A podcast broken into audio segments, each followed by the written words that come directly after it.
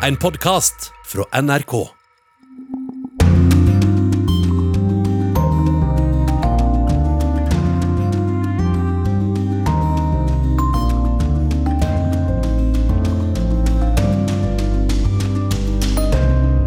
We don't have a final declaration of victory yet, but the numbers tell us it's clear, tell us a clear and convincing story. We're going to win this race. Demokratenes Joe Biden vil ikke erklære seier ennå, men sier tallene klart viser at han vil vinne valget. Your vote will be counted. I don't care how hard people try to stop it. I will not let it happen. Din stemme vil bli talt selv om noen prøver å stoppe det, sier Biden. Vi skal direkte til USA og høre hvor langt de er kommet i opptellingen. Og vi spør også hva en ny president vil bety for verden. Her i Kina er det få som har noen tro på at forholdet til USA vil bli bedre med en ny president, og derfor spøker de med Joe Biden sitt navn på sosiale medier og uttaler det som Beidang, som betyr ingenting på dialekt. Det blir også korrespondentbrev fra Tyrkia, hvor vi alle kan lære noe om bruken av munnbind. I 30 varmegrader ble det tungt å puste med disse doble stoffmaskene, til tross for flott design med røde blomster. De ga meg gnagsår bak øra, de strammet og laget spor på kinnene. Men slik er det jo også med høyhælte sko, tenkte jeg. Håpløs å gå med, men det ser fint ut, da. Velkommen til Urix på lørdag med Anja Strønen i studio. I natt gikk altså demokratenes presidentkandidat Joe Biden igjen på talerstolen. Mange trodde at han ville erklære at han hadde vunnet valget, men igjen måtte han be folk være tålmodige. Look, we both know tensions are high. They can be high after a tough election, one like we've had. But we need to remember we have to remain calm, patient, let the process work out as we count all the votes. You know, we're proving again what we've proved for 244 years in this country democracy works. We've gotten over 74 million votes. Let me repeat that 74 million votes. That's more than any presidential ticket has ever gotten in the history of the United States of America. Det sa altså Joe Biden i natt. Og Gro Holm, du er med oss direkte fra Pennsylvania, hvor du i døgn etter døgn har rapportert fra denne thrilleren av en avstemning. Hva oppnår Biden med å gå på talerstolen på denne måten igjen og igjen? Ja, For det første så markerer han jo overfor Donald Trump og hans tilhengere at han eh, mener at dette valget har vært fritt og rettferdig. At alt snakket om eh, alle rettssakene som de skal igjennom, at det er en parentese i det store og det hele. Og for det andre så er han synlig for egne velgere og for hele det amerikanske folket. Han forteller helt klart at han er i gang med å forberede overgangen. Han har hatt møter, han fortalte at han har hatt møter med, med folk som representerer helsevesenet og helseadministrasjon for å eh, forberede bekjempelse av koronapandemien. Han har hatt eh, møter når det gjelder landets økonomi og denne planen om en krisepakke, ny prisepakke krisepakke som skal kunne gjenreise økonomien. Så han eh, opptrådte jo veldig presidentaktig, og eh, selvfølgelig så gjentok han også denne beskjeden om at han skal forene landet, at han er hele landets president, ikke bare demokratenes. Så det er en viktig måte å vise på at han, eh, han er i gang, selv om det ennå ikke er helt formelt klart at han blir landets neste president. Jeg må spørre, tilfelle ikke alle har fått det med seg, hvordan egentlig har Trump reagert på hele denne prosessen etter valget? Ja, han, eh, han, eh, har jo eh, selvfølgelig tatt avstand fra Bidens måte å ta dette på. Og han eh, har svart med å si at eh, hele dette, denne påstanden om at demokratene vinner, det baserer seg på svindel. At han vil bruke rettsvesenet for å vise at dette har vært svindel eh, i, i alle kanter. Og der er noe sånt som 300 søksmål på gang rundt omkring. Bare her i Pennsylvania hvor jeg er nå, så er det flere. Eh, og det de gjør, er at de går eh, lokalt, til domstoler lokalt, for å eh, ja, ned til så mange som 38 stemmer for å si at disse er, dette er juks og fanteri, og de må sjekkes. Og, så de, de, kjører på en måte, de skyter med hagle. Og det de oppnår, er jo at de, de, det blir en lengre og mer langdrygg prosess. Så det er vel ikke så mange som tror nå at heller at Høyesterett kommer til å si at disse stemmene som er talt opp etter 3.11, eller som er kommet inn etter 3.11 her i Pennsylvania, at de ikke skal telle med. Ja, Hva er de siste tallene da, Groholm? Ja, eh, bortsett fra Nord-Carolina, hvis vi holder oss nå til disse eh, vippestatene, der, mm. der, ja, der, leder, eh, der, leder, Trump. Og den eh, staten tror jeg nok at Trump ganske sikkert kommer til å ta. Men så er det jo slik at det er Biden som leder, med Pennsylvania da, med 28 800 stemmer. Det er 0,4% Og det er ganske viktig at det blir over en halv prosent, fordi da slipper man opptellingen. Det er nemlig automatisk gjenopptelling her hvis, hvis det over, altså hvis det er under 0,5% forskjell. Og så er det Nevada, hvor, eh, hvor, Biden har økt forspranget sitt i det siste. Nå er det på 1,8% med 22 650 stemmer. Og så er det Georgia, det er, hvor det er veldig nært. Eh, bare litt over 4000 stemmer, 0,1% Og Georgia kan bli en veldig viktig stat eh, i, i ukene framover, fordi der er det to senatorer som også skal, eh, som også, hvor det også skal være omvalg 5.1. Og hvis, eh, hvis det er sånn at demokratene eh, tar de to senatsplassene, så blir det nemlig 50-50 i Senatet. Og så har du da den regelen som sier at hvis det er likt antall, så er det visepresidenten som er tungen på vektskåla. Og det vil jo, sånn som det ser ut nå, være Kamala Harris. Og da vil demokratene ha flertall. Altså dette er virkelig, virkelig close race, og det har jo også ført til at uh, landet er ganske splittet. Vi skal gå tilbake til tirsdag kveld og høre hva som skjedde der, og så blir du med oss videre, Groholm.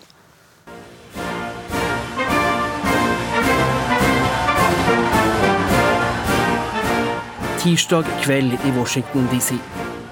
Tonene av Hail to the Chief strømmer ut av høyttaleren. Alle vet hva den sangen betyr. Den spilles for USAs president. Han er på vei, den er høytidelig. Noe viktig skal skje. President Donald Trump kommer gående ut på en scene foran noen av sine tilhengere. Bak ham står amerikanske flagg på rekke og rad. Well, Fortsatt er ikke valget avgjort, men Trump er sikker på at han skal få fire nye år. Han smiler og vinker. We were getting ready to win this election. Frankly, we did win this election. Donald Trump er i godt humør. Han er blitt gjenvalgt som USAs øverste leder, i alle fall mener han det selv. Litt lenger ut i det som var en foreløpig seierstale, kommer Trump med det han tidligere har sagt kommer til å skje fra talerstolen i Washington DC anklager USAs president sin motstander, Joe Biden og demokratene, for valgjuks. We want all voting to stop. We don't want them to find any ballots at 4 o'clock in the morning and add them to the list. Okay?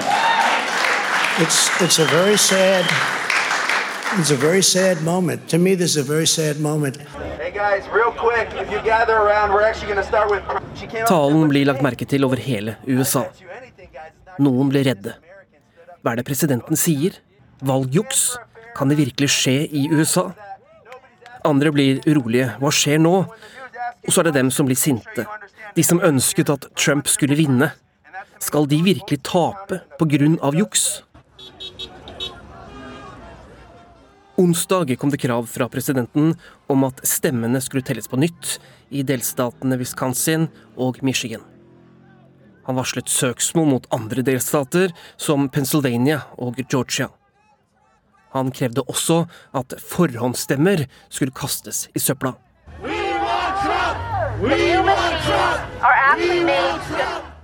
Reaksjonene ble kanskje slik Trump hadde ønsket seg. Flere steder i USA, utenfor lokaler der det fortsatt pågikk stemmeopptelling, samlet Trump-tilhengere seg. De ville inn for å observere stemmetellingen, som de forklarte det. Stemningen var anspent, som her i Phoenix i Arizona. We're not here for conspiracy. We're here for a fair and honest election. We're here to protect the democracy of the United States of America. Dramaet fortsatte. Natt til fredag var det Donald Trumps sønn, Donald Trump jr., som kalte inn pressen. Han sa at USA er i ferd med å bli en bananrepublikk, at det jukses, og at faren hans, presidenten, bør kjempe mot urettferdigheten med alle midler. But I think the number one thing that Donald Trump can do in this election is fight each and every one of these battles to the death so that we get full transparency in the process. I flere delstater, som her i Nevada, var Trump-tilhengere samlet samtidig som Donald Trump jr. holdt sin pressekonferanse. De viftet med amerikanske flagg. Ikke stjel stemmene våre, sier de.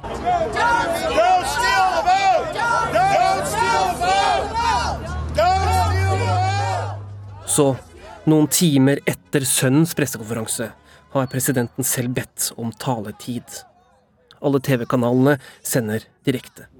Han smiler ikke nå, virker innbitt og usikker.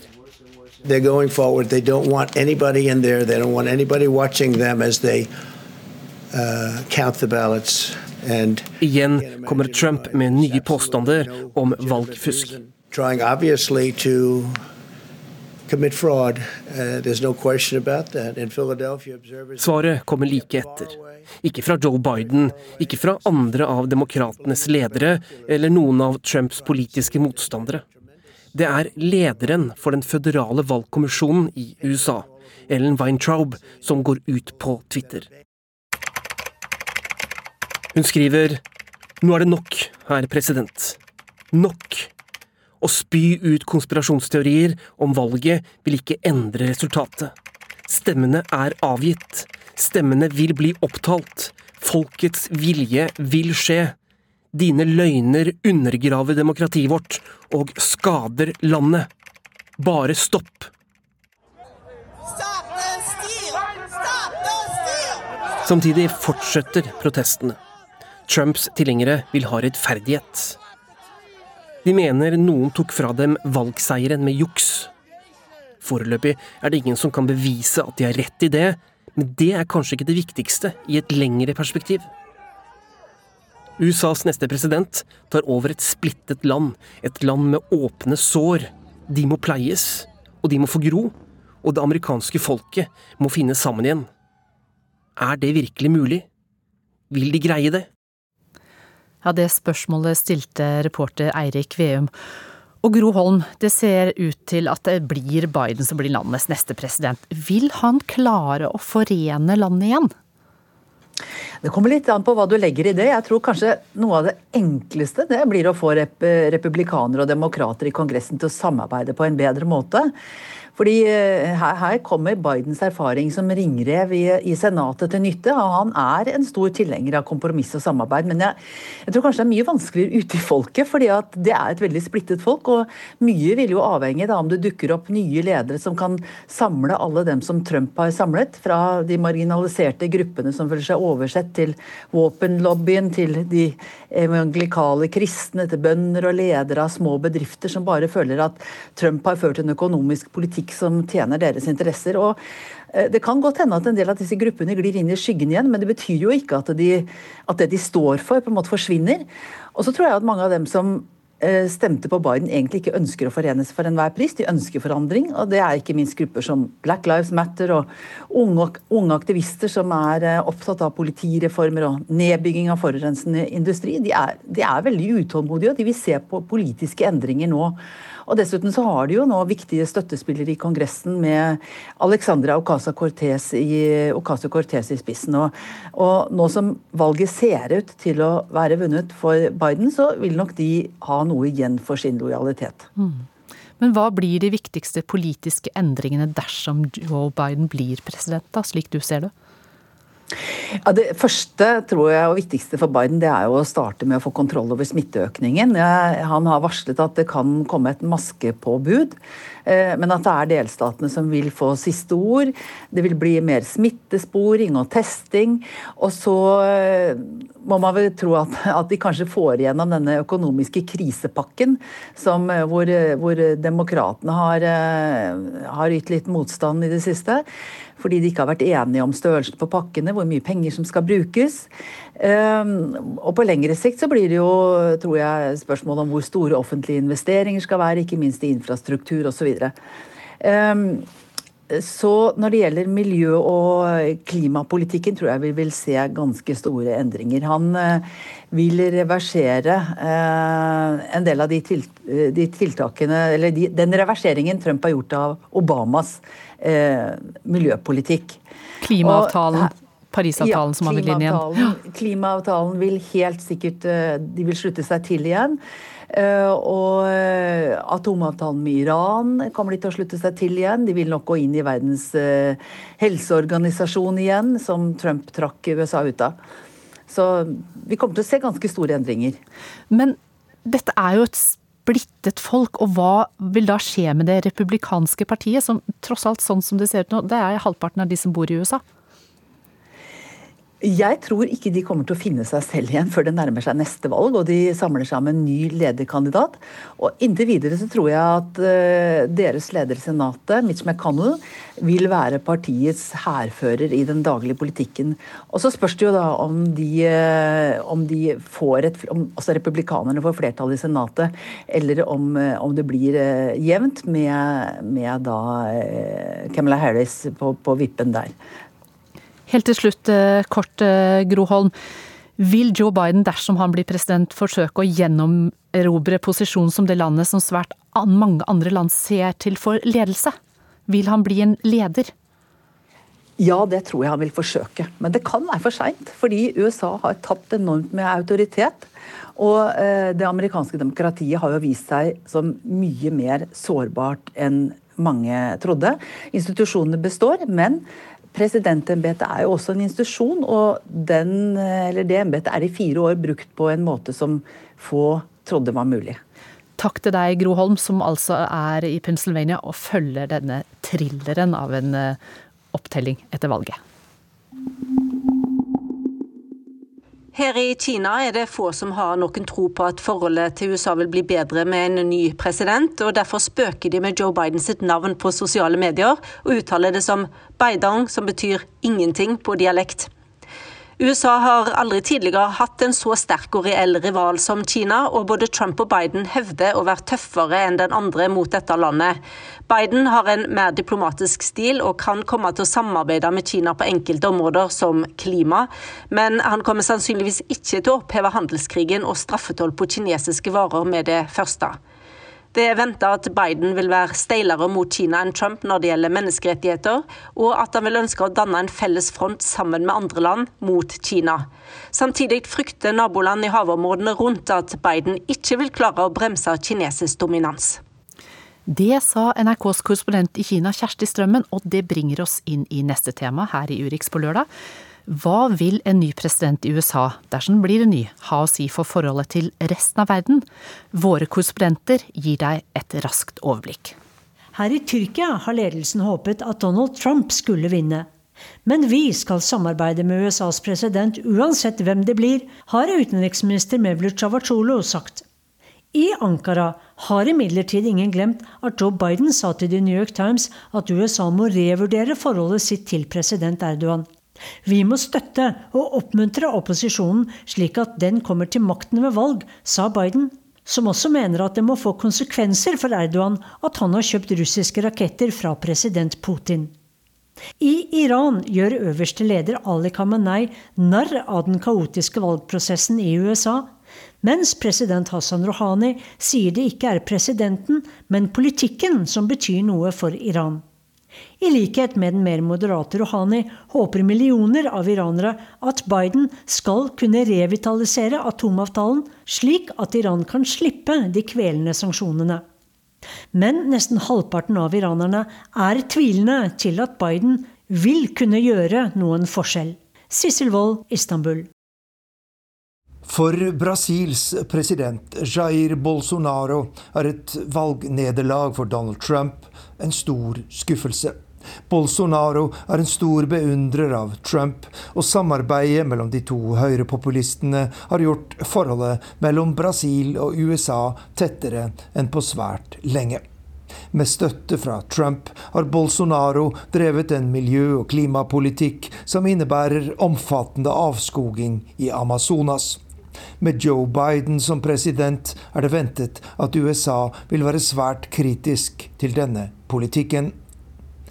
Donald Trump har ikke vært på et eneste bilateralt besøk i Latin-Amerika i sine snart fire år som president, og mange håper på et større engasjement fra USA i årene som kommer. Uansett er det ventet at Kina vil fortsette å styrke sitt økonomiske nærvær her i regionen på bekostning av USA. Arnt Stefansen, Rio de Janeiro.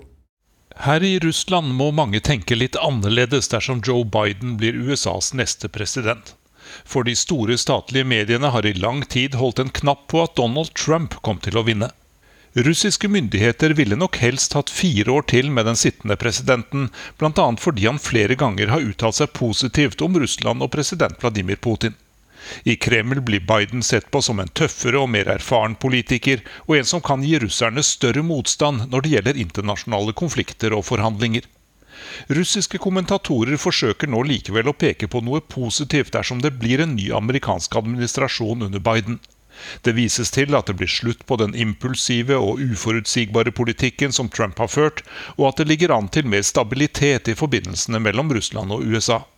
Men det russiske utenriksdepartementet sier rett ut at det iskalde forholdet mellom de to stormaktene neppe kommer til å tine raskt opp, uansett hvem som blir ny amerikansk president.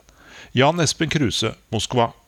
Her i London er statsminister Boris Johnson god venn med Donald Trump, som hadde lovet en handelsavtale så fort som mulig. Men Trump er veldig omstridt her i Storbritannia, og forholdet er klamt.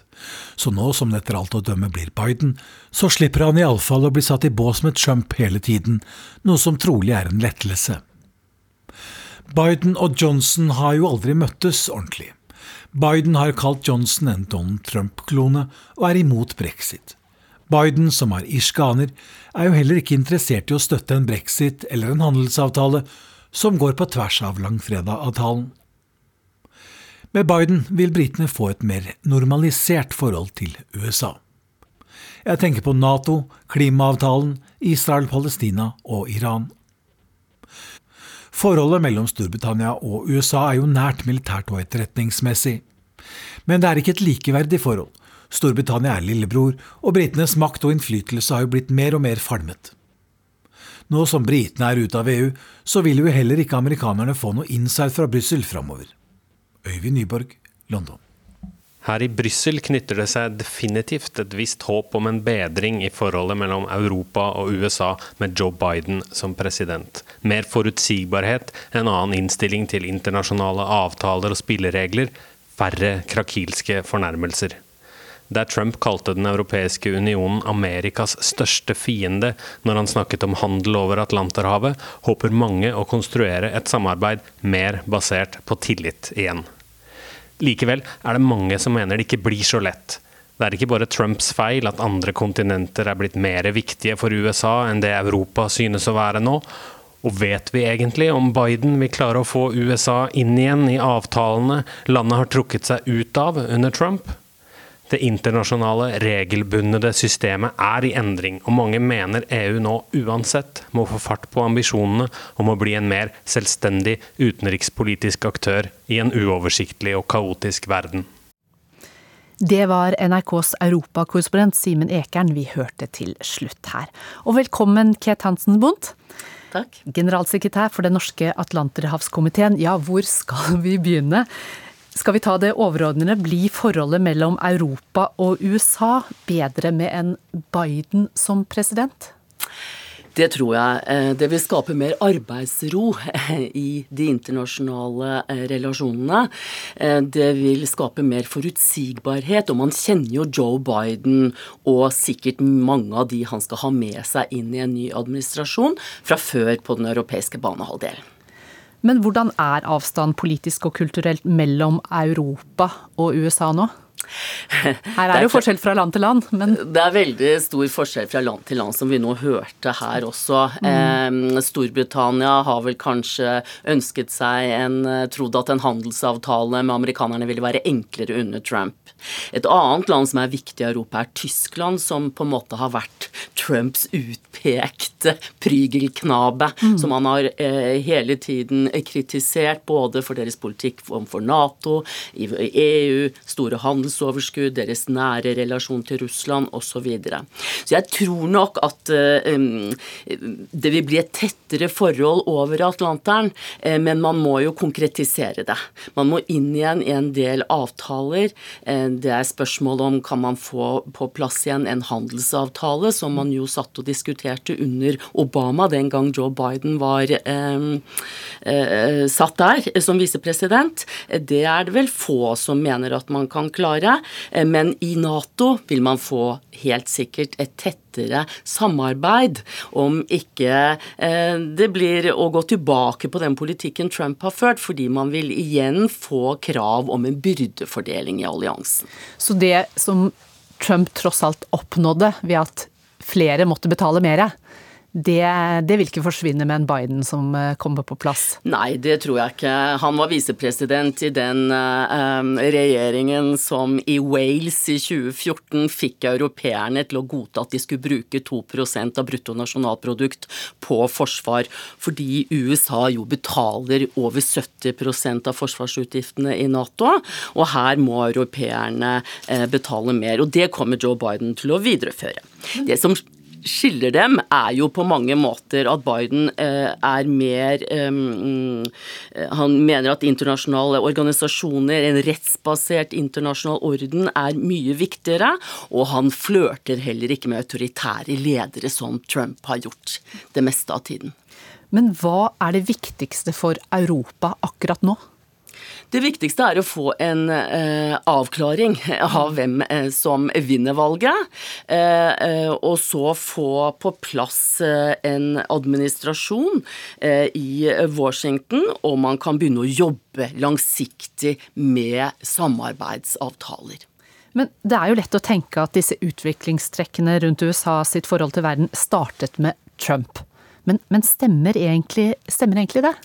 Nei, det gjør det ikke. Eh, Trump er mer et eh, symptom på en endring, en maktforskyvning i verden, eh, som har pågått de siste 20 årene. Med Kina, som krever større både regional og global plass, både økonomisk, men også i større grad innenfor internasjonale multilaterale organisasjoner. De jobber tettere gjennom FN. Det som har vært problemet, er at Trump har trukket trukket USA ut av en rekke av disse avtalene, traktatene og institusjonene, som jo har skapt et maktvakuum som er blitt fylt av kinesere og andre som har fått en ny definisjonsmakt, og kanskje på innsiden endre de organisasjonene som vi har kjent, eh, eh, som har vært verdibasert på den liberale ordens demokrati, eh, rettssystem og økonomiske oppfatning. Ja, så hva vil da eventuelt Biden, sånn det ligger an til nå, få å stri med?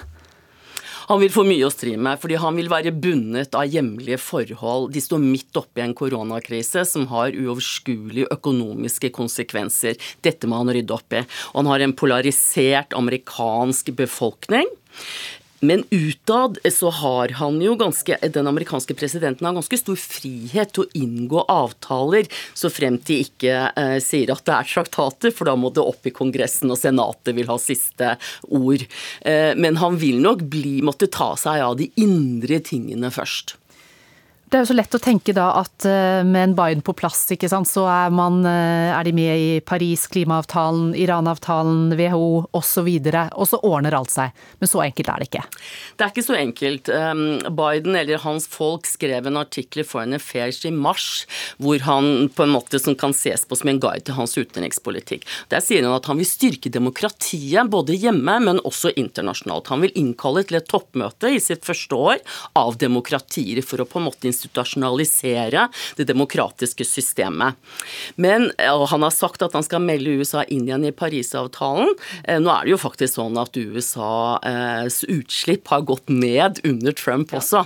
Iran-avtalen er jeg mer skeptisk til. Den tror jeg han kommer til å prøve å få reforhandlet. Mm. Fordi som Trump har sagt, så var det en dårlig avtale, og det tror jeg det er mange med han som mener.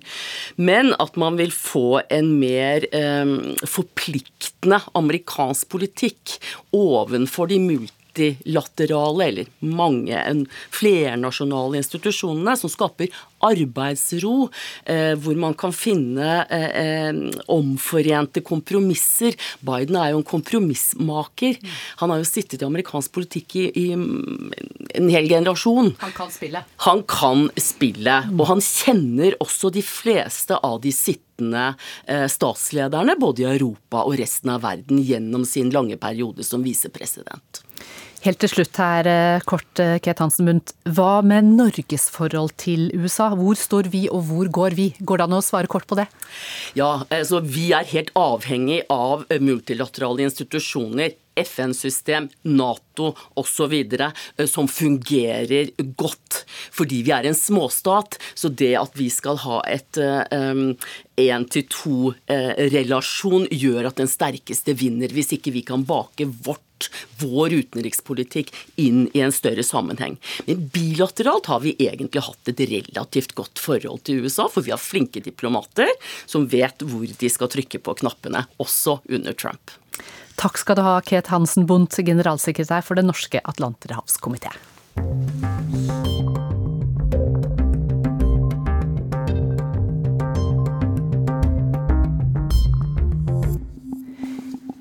Det splittede USA er munnbind blitt et politisk symbol. Også Tyrkia er et splittet samfunn, men der går alle med munnbind, og ukens brev er fra Sissel Wold i Istanbul med munnbind. Det er underlig å følge munnbindkampen i USA, men også debatten i Norge, for en som bor i Istanbul. For her går vi alle med munnbind når vi er utendørs, i butikker, på kino og hos frisøren. Det er påbudt, og vi har blitt vant til det. Alle vet at koronaviruset sprer seg, så alle beskytter seg selv og bidrar for å begrense smitten. På hyllen i entreen min ligger nøkler, solbriller og munnbind i alle varianter. Først kjøpte jeg 25 lyseblå munnbind på apoteket. Men for en som er opptatt av fargeharmoni, passet ikke denne sterke lyseblå fargen til klærne. Må vi først bruke munnbind, er det bare å gjøre det beste ut av det. Da munnbind ble påbudt her i sommer, så jeg stadig flere med kreative munnbind, ting de hadde kjøpt på nettet. Jeg gikk også online og fant noen flotte munnbind, blomstrete, regnbuefargede og ensfargede, røde og kremfarget. Etter to uker kom bestillingen i posten. Fine å se på var de, men det var verre å bruke dem. I 30 varmegrader ble det tungt å puste med disse doble stoffmaskene til tross for flott design med røde blomster. De ga meg gnagsår bak øra, de strammet og laget spor på kinnene. Men slik er det jo også med høyhælte sko, tenkte jeg. Håpløse å gå med, men det ser fint ut, da. Sannsynligvis hadde jeg bestilt for små størrelser. På solskinnsdager, når folk går med både munnbind og solbriller, blir vi ugjenkjennelige. Da president Erdogan bestemte seg for å konvertere Aya Sofia til moské igjen på en solfylt julidag, summet det av pressefolk utenfor det historiske kirkebygget. Jeg så frem til å treffe kolleger og høre hva de mente om saken. Men hvem var hvem? Jeg så en kvinne med grønn kjole, solbriller og hvitt munnbind stå og notere i en notisblokk. Var det Ayla fra finsk TV? Er det deg, Ayla? spurte jeg. Ja, sa hun med et spørrende blikk som sa Hvem spør? Det er meg, Sissel, sa jeg og trakk ned munnbindet og løftet opp solbrillene for å identifisere meg. Sånn er det blitt. Det er trist å gå forbi folk på gaten jeg ellers hadde hilst på. Som mannen som kom mot meg på fortauet sist uke. Var det ikke noe kjent med de grønne øynene? Siden jeg ikke så annet enn øyne over en hvit maske, var jeg usikker på hvem det var idet han hastet forbi. Og så husket jeg ham. Det var den hyggelige bankmannen som alltid hjelper meg når jeg trenger kontanter. Som gullfisk i en bolle beveger vi oss i stillhet forbi hverandre fordi vi lever bak maskene våre. Vi har bare øynene våre nå når vi er ute. Vi leter etter andres sinnstilstand ved å se på blikkene. Er den gamle mannen som selger blomster utenfor vinbutikken, trist i øynene? Smiler kvinnen bak ostedisken? Har politimannen som stanser oss mens vi filmer, sinte øyne? Eller bare granskende? Vi er blitt som kvinner i nikab. Vi må uttrykke oss gjennom øynene, og vi kan granske og stirre på andre uten at de merker det. Og som kvinner med ansiktsslør må vi også trekke munnbindet opp eller ned når vi skal drikke vann. Folk uttrykker seg også gjennom munnbindet. Her om dagen gikk jeg bak en biker på fortauet. Hells Angels sto det på den svarte lærvesten. Han hadde høye boots og militærgrønn skjorte. Hva slags munnbind bruker Hells Angels? tenkte jeg idet han snudde seg. Svart, selvsagt, men ikke av lær. I en hotellobby så jeg en brud i vakker kjole med broderier over brusende hvitt tyll. Håret var pyntet med små hvite blomster, og over nese og munn et dekorert hvitt munnbind. Man må gjøre det beste ut av koronatiden. Pussigere var det da jeg sto i kø utenfor Western Union, og den unge mannen ved siden av meg hadde på seg et munnbind designet som en hundesnute ville han si voff, voff om jeg spurte om klokken. Noen koronatiltak gjør livet lettere. Nå trenger jeg f.eks. ikke å lure på hvilke menn jeg skal håndhilse på, og hvilke ikke.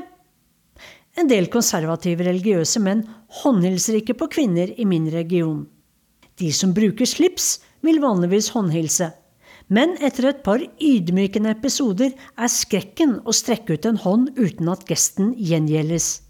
Det letteste er bare å la være å forsøke å håndhilse. Men det kan også bli galt, for de som vil håndhilse, kan bli fornærmet eller mene at jeg er uhøflig. Så da koronaen brøt ut i Iran mens jeg var på reportasjereise der i februar, var heldigvis ikke dette noe mer å tenke på. Her i Istanbul har folk sluttet med den tyrkiske hilsemåten et kyss på hvert kinn. Det syns jeg også er helt greit. For hvem skulle jeg egentlig kysse på begge kinn, og hvem ikke? Nære venner skulle jeg kysse, men også fotografer og tolker. Flere syntes sikkert jeg var kjølig og reservert, da jeg heller strakte frem hånden enn å kysse. Men nå kan jeg bare si hei, og det er helt utmerket. Torsdag gikk jeg hjemmefra i dype tanker. Jeg tipper jeg funderte på hvordan Donald Trump ville reagere om han tapte valget, til jeg la merke til blikkene fra dem jeg møtte. Til min forferdelse oppdaget jeg at jeg hadde glemt munnbindet. Med ett følte jeg meg like naken som da sjalet blåste av håret mitt midt på en gate i Teheran. Det har vært overraskende lett å venne seg til munnbind. Når jeg går forbi kafeer der folk får sitte uten, med bare ansikter, er det som om de er nakne, og som de tilhører en annen tid. Kommer vi tilbake til der vi var? Eller har vi vent oss til å krype inn i våre egne skall litt som snegler. Men hva med tyrkerne, som er så vant til å klemme og kysse hverandre? Vi vet at dette varer så lenge koronaen varer, og så skal vi tilbake til kyssingen igjen, sa en tyrkisk kollega. Ja vel, tenkte jeg.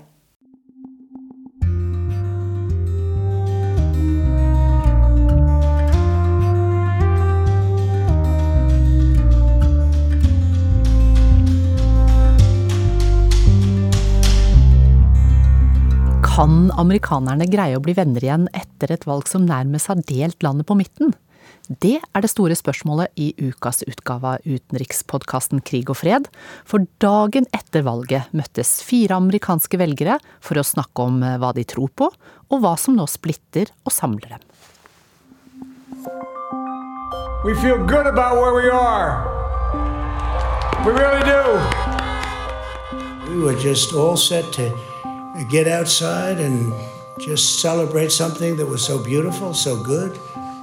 Such a vote, such a success. I'm here to tell you tonight we believe we're on track to win this election. We were getting ready to win this election. Frankly, we did win this election. Keep the faith, guys. We're going to win this. Thank you, thank you, thank you. Du hører på Krig og fred med Tove Bjørgaas fra valgnatta. Og Tore Moland dagen derpå.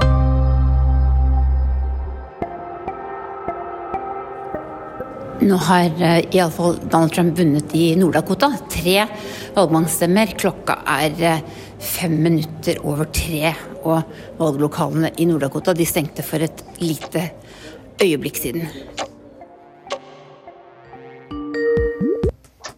Hallo, Nord-Dakota. Hei sann. Hvordan går det? Jo, nå er det seint eller tidlig på morgenen, kanskje det skal kalles. Hvem har du stemt på i presidentvalget, Janne Myrdal?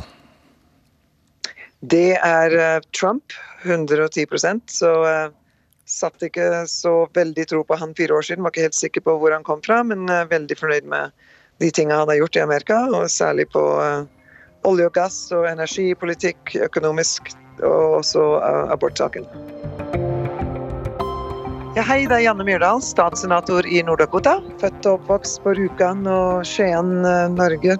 Reiste ut eh, ja, 38 år siden nå. Gift og bor på Svær gård i Nord-Dakota. Hvordan i all verden kan det ha seg at en eh, dame fra Rjukan ender opp som senator i Nord-Dakota? Ja, det var det, da. Det er vel en, hva de kaller den amerikanske drømmen, som, som, de kaller det her. Men nei, det var ikke noe jeg hadde planlagt i det hele tatt. Men sånt skjer når en går, eh, åpner dører seg i livet, så må man gå gjennom de, og det ja, åpna det seg en mulighet, og så ble det bare sånn. Hva er de viktigste politiske sakene for deg, Janne Myrdal? Du, eh, energi, Oljeenergi er utrolig viktig. Agri er viktig, økonomien er viktig, men sosialt så er det abortsaken som står veldig sentralt for meg. Jeg tror ikke det er noe viktigere enn den saken. For har du ikke livet, så har du ingen av de andre tingene vi prater om. Så uh, står veldig sterkt på den saken. Er du en sånn klassisk kristenkonservativ, eller? Ja, er nok det. Hvis, uh, hvis, det er det som er definasjonen, så er det nok det. Men uh, jeg har sagt ofte at uh, kristentroen er fundamental for meg, så det er klart den, den tar jeg med i, i offentlig liv. 100% Hvem er ditt politiske forbilde, da? Ja, det kan du lure på. Det er nok mange. Men jeg kan jo tenke meg Margaret Thatcher er vel en av de som jeg så opp til eh, ganske stort. Eh, hennes lederskap, eh, både som kvinne og som en konservativ leder i England, så tror jeg hun var tøff, tøff dame. Så jeg må nok si Margaret Thatcher. Så du er jernladyen i Nord-Dakota, du da? ja, det kan du spørre de om. Men eh, etter å ha vunnet 74% i dag, så er det veldig, eh, veldig godt å vite at eh, ja, at den gjør en jobb som er bra, at velgerne liker den jobben du gjør. Så jeg eh, kan ikke sammenligne meg med hun eh, Thatcher, men, eh, men, Iron Lady er nok en, et godt forbilde å ha. Hva er det viktigste Donald Trump har oppnådd politisk i løpet av de fire åra som har gått, sånn du ser det, Janne Myrdal? Du, Sannsynligvis er det vel federale dommere som han har satt inn, ikke bare Høyesteretten, men over 200 andre dommere rundt i USA. Det har noe som er, kommer til å ha virkning i generasjoner. Eh, også økonomien. ikke sant? Han har gjort eh, Amerika eh, energiuavhengig. Eh, økonomien gikk jo fantastisk før eh, Kina-viruset, og har faktisk eh, bygget seg opp igjen nå siste kvarteret i 2020.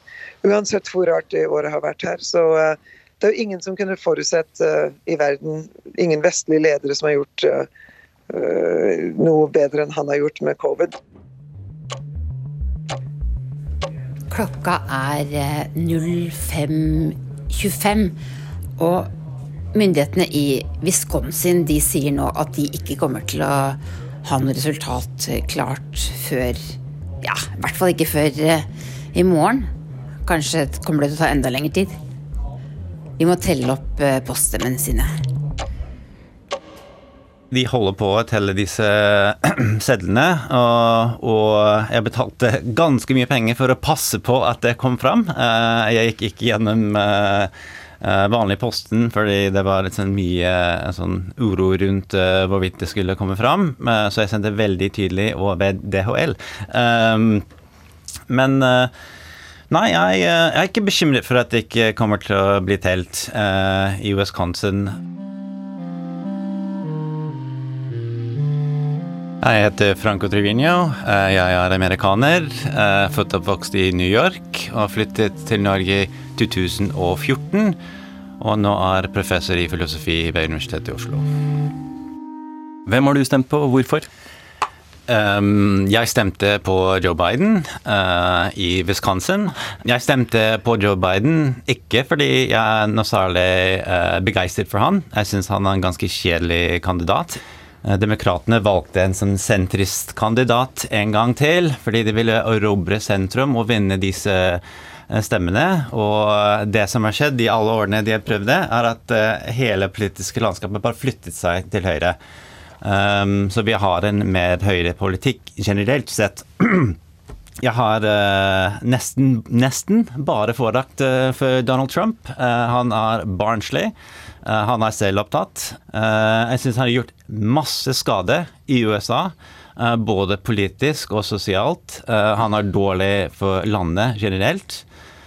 Så jeg ville stemt imot ham uansett. Uh, og eh, det sier ganske mye uh, om uh, Det er mange uh, som meg som stemmer og har stemt imot Trump, og ikke nødvendigvis for Biden. Hvem skulle du ønske du kunne stemt på, da? Bernie Sanders. jeg støttet ham både i 2016 og 2020.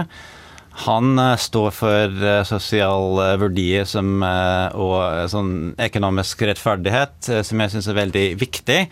Noe som demokratene pleide å stå for, men har gått bort fra i de senere årene. Så jeg tenker at han ville vært en veldig god kandidat. og han ville vært, en, en, Det ville vært en tydelig valg. Hadde ikke USA blitt et enda mer splitta land hvis valget hadde stått mellom Bernie Sanders og Donald Trump? Nei, jeg kan ikke se så, Hvordan da? sånn eh, enda mer splittet. Eh, det er veldig splittet nå. Eh, det er mange som er altså, veldig spent på hvordan resultatet blir, fordi det vet vi ikke ennå. Og jeg tror ikke at det er litt sånn å velge en tydelig kandidat som står enda lenger til venstre, skulle skape mer splittelse enn det å velge f.eks. Trump uh, som kandidat. Uh, kunne, da kunne vi hatt litt sånn tydeligere samtaler om hvilken vei vi vil at landet skal. Nå er klokka 05.57, og vi vet ennå ikke hvem som har vunnet i Texas. Det så veldig lovende ut for Biden i begynnelsen. Den store drømmen til demokratene var jo å sikre seg Texas. Men dette er jo liksom en av eh, juvelene i kronen for amerikansk president. 38 valgmannsstemmer. Eh, USAs nest mest folkerike delstat. Men det ser altså ikke ut til å gå demokratenes vei denne gangen heller. Ja, nei, jeg valgte å sove i sofa i natt, eh, så jeg kunne våkne ved jevnt mellomrom og sjekke og oppdatere meg. Og en gang når jeg våknet ca. fire-halv fem, så så jeg ut av vinduet her eh, på nabolaget. Og så var det mange TV-skjermer som lyste gjennom vinduer. Så det var mange av naboer som virket også å være oppe og, og følge med. Og jeg tenkte wow, se så mye engasjement for uh, et valg som ikke er et norsk valg. Det var veldig merkelig og interessant. Ja, mitt navn er Michelle A. Tistel. Eh, jeg er sosialantropolog og jobber som forskningsbibliotekar ved Nasjonalbiblioteket. Jeg er født og oppvokst i Houston, Texas, og har bodd i Norge siden eh, slutten av 90-tallet. Eh, og jeg har stemt for Biden-Harris.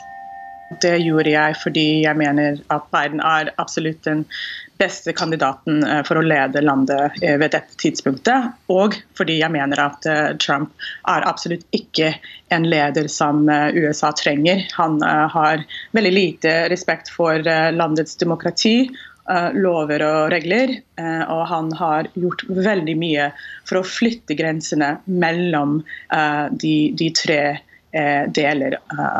Mener Høyesterett og Kongressen og executive branch.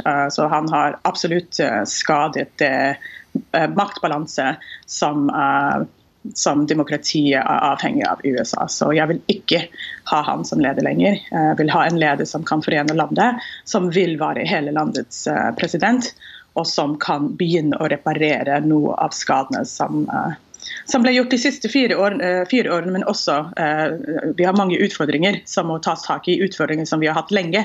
Og jeg tenker at uh, Presidenten har ikke vist at han er den som er i stand til å takle den jobben. Hva tror du har forma ditt politiske grunnsyn, Michelle Tissel? Uh, ja, det er litt uh, familietradisjon, men litt også mine egne verdier. Mine interesser for uh, sosial rettferdighet og for um, å bli, redusere fattigdom. Og jeg skulle gjerne sett at, at borgerne fikk mer Eh, for eh, sine skattepenger, og at, eh, at, fattigdom ble redusert, og at avstand mellom rike og, og, fattige ble redusert. Og mest av alt, jeg er en veldig sterk tilhenger av at vi skal få kapital ut av politikk. Jeg vil ha campaign finance reform. Jeg, vil, jeg syns at penger og kapital er altfor sterk i USA og i verden generelt. Kan du fortelle oss hvem som er ditt politiske forbilde, Michelle Tisselen? Shirley Chisholm var en afroamerikansk eh, kvinnelig uh, politiker som var medvirkende på 70-tallet og 80-tallet, og det samme med Barbara Jordan. Jeg husker at vi snakket mye om dem i mine besteforeldres hus, og så jeg Så tenkte jeg at det var veldig tøff og veldig modig at de var så synlige i politikk, og man må være modig for å gjøre sånne steg eh, som afroamerikanske kvinner eh, i USA ved det, tids det tidspunkt. Så ja. Og så ser vi ikke dette på radio, men du er selv afroamerikansk, eh, Michelle? Ja, det er jeg. Det er jeg. Fra topp til tå, faktisk. Eh, det er jeg. Eh, mm.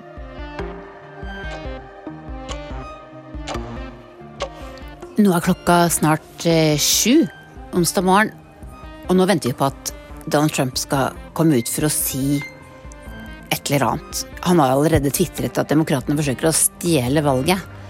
Det er ingenting som er som det pleier på denne valgnatta. This is a fraud on the American public. This is an embarrassment to our country. We want the law to be used in a proper manner. So we'll be going to the U.S. Supreme Court. We want all voting to stop. Trump er en uh, selvsentrert mann. Han er uh, mest opptatt av seg selv, og han er sånn sett ikke noe ideolog. Eh, bortsett fra at han selv er verdens beste. Og det kan man faktisk jobbe med. Der kan man appellere til hans latente narsissisme, eller hva man skal si. Der går det an å få til deals, fordi han er ikke opptatt av det, det, politiske sånn egentlig. Han er ikke en klassisk republikaner. Han er egentlig ikke verdikonservativ. Han, han velger på en måte den eh, politikken og retningen som han ser seg tjent med der og da. Yes, jeg er George Gooding, dataingeniør og mediekritiker på fritiden.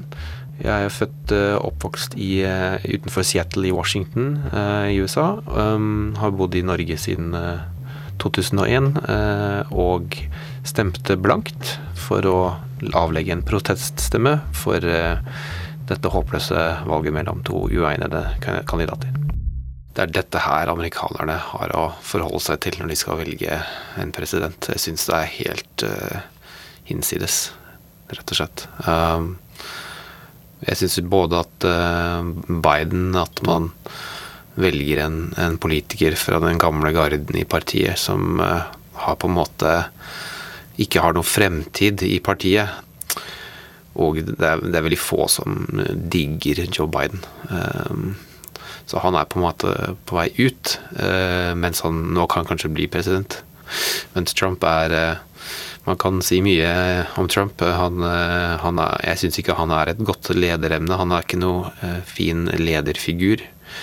Men samtidig så, så syns jeg mange er litt unyanserte når det gjelder Trump. Eh, for han har åpenbart veldig mye erfaring innenfor, innenfor ledelse av sitt konsern og forhandlinger med tøffe forhandlingspartnere og konkurrenter. Og mm, man skal liksom ikke avfeie absolutt alt bare fordi Trump har, har vært innblandet. Det, man må kunne se objektivt og nyansert på det han har gjort, og, og vurdere det på samme måte som alle andre. Uh, men likevel så syns jeg det er helt håpløst at det er disse to det står mellom, og derfor vil jeg på en måte protestere mot det og, og gi partiene en liten sånn ørefik og be dem skjerpe seg og finne bedre kandidater neste gang. Franco, noen filosofiske betraktninger til slutt? Uh, ja, på slutten vil jeg komme med en veldig uh, pessimistisk vinkel på dette. Jeg mener at for å komme forbi disse problemene krever såpass mye omfattende forandringer i kapital, politikk, media at uh, det virker for meg som at det er veldig, veldig vanskelig å se en fremtid uh, hvor det ser bedre ut på disse punktene. And on that high note, we end our proceedings.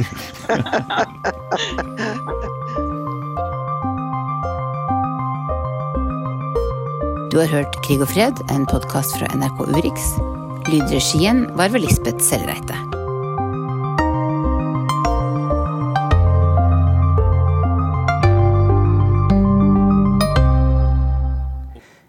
Det var Urix på lørdag. Fikk du ikke med deg hele sendingen, så kan du høre den som podkast når som helst, og der finner du også alle Krig og fred-podkastene som absolutt gjør deg klokere på det amerikanske valget.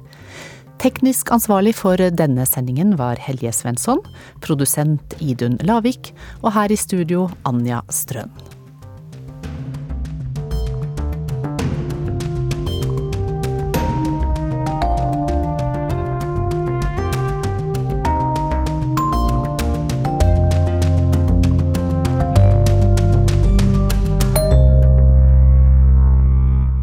Du har hørt en podkast fra NRK. Hør flere podkaster og din favorittkanal i appen NRK Radio.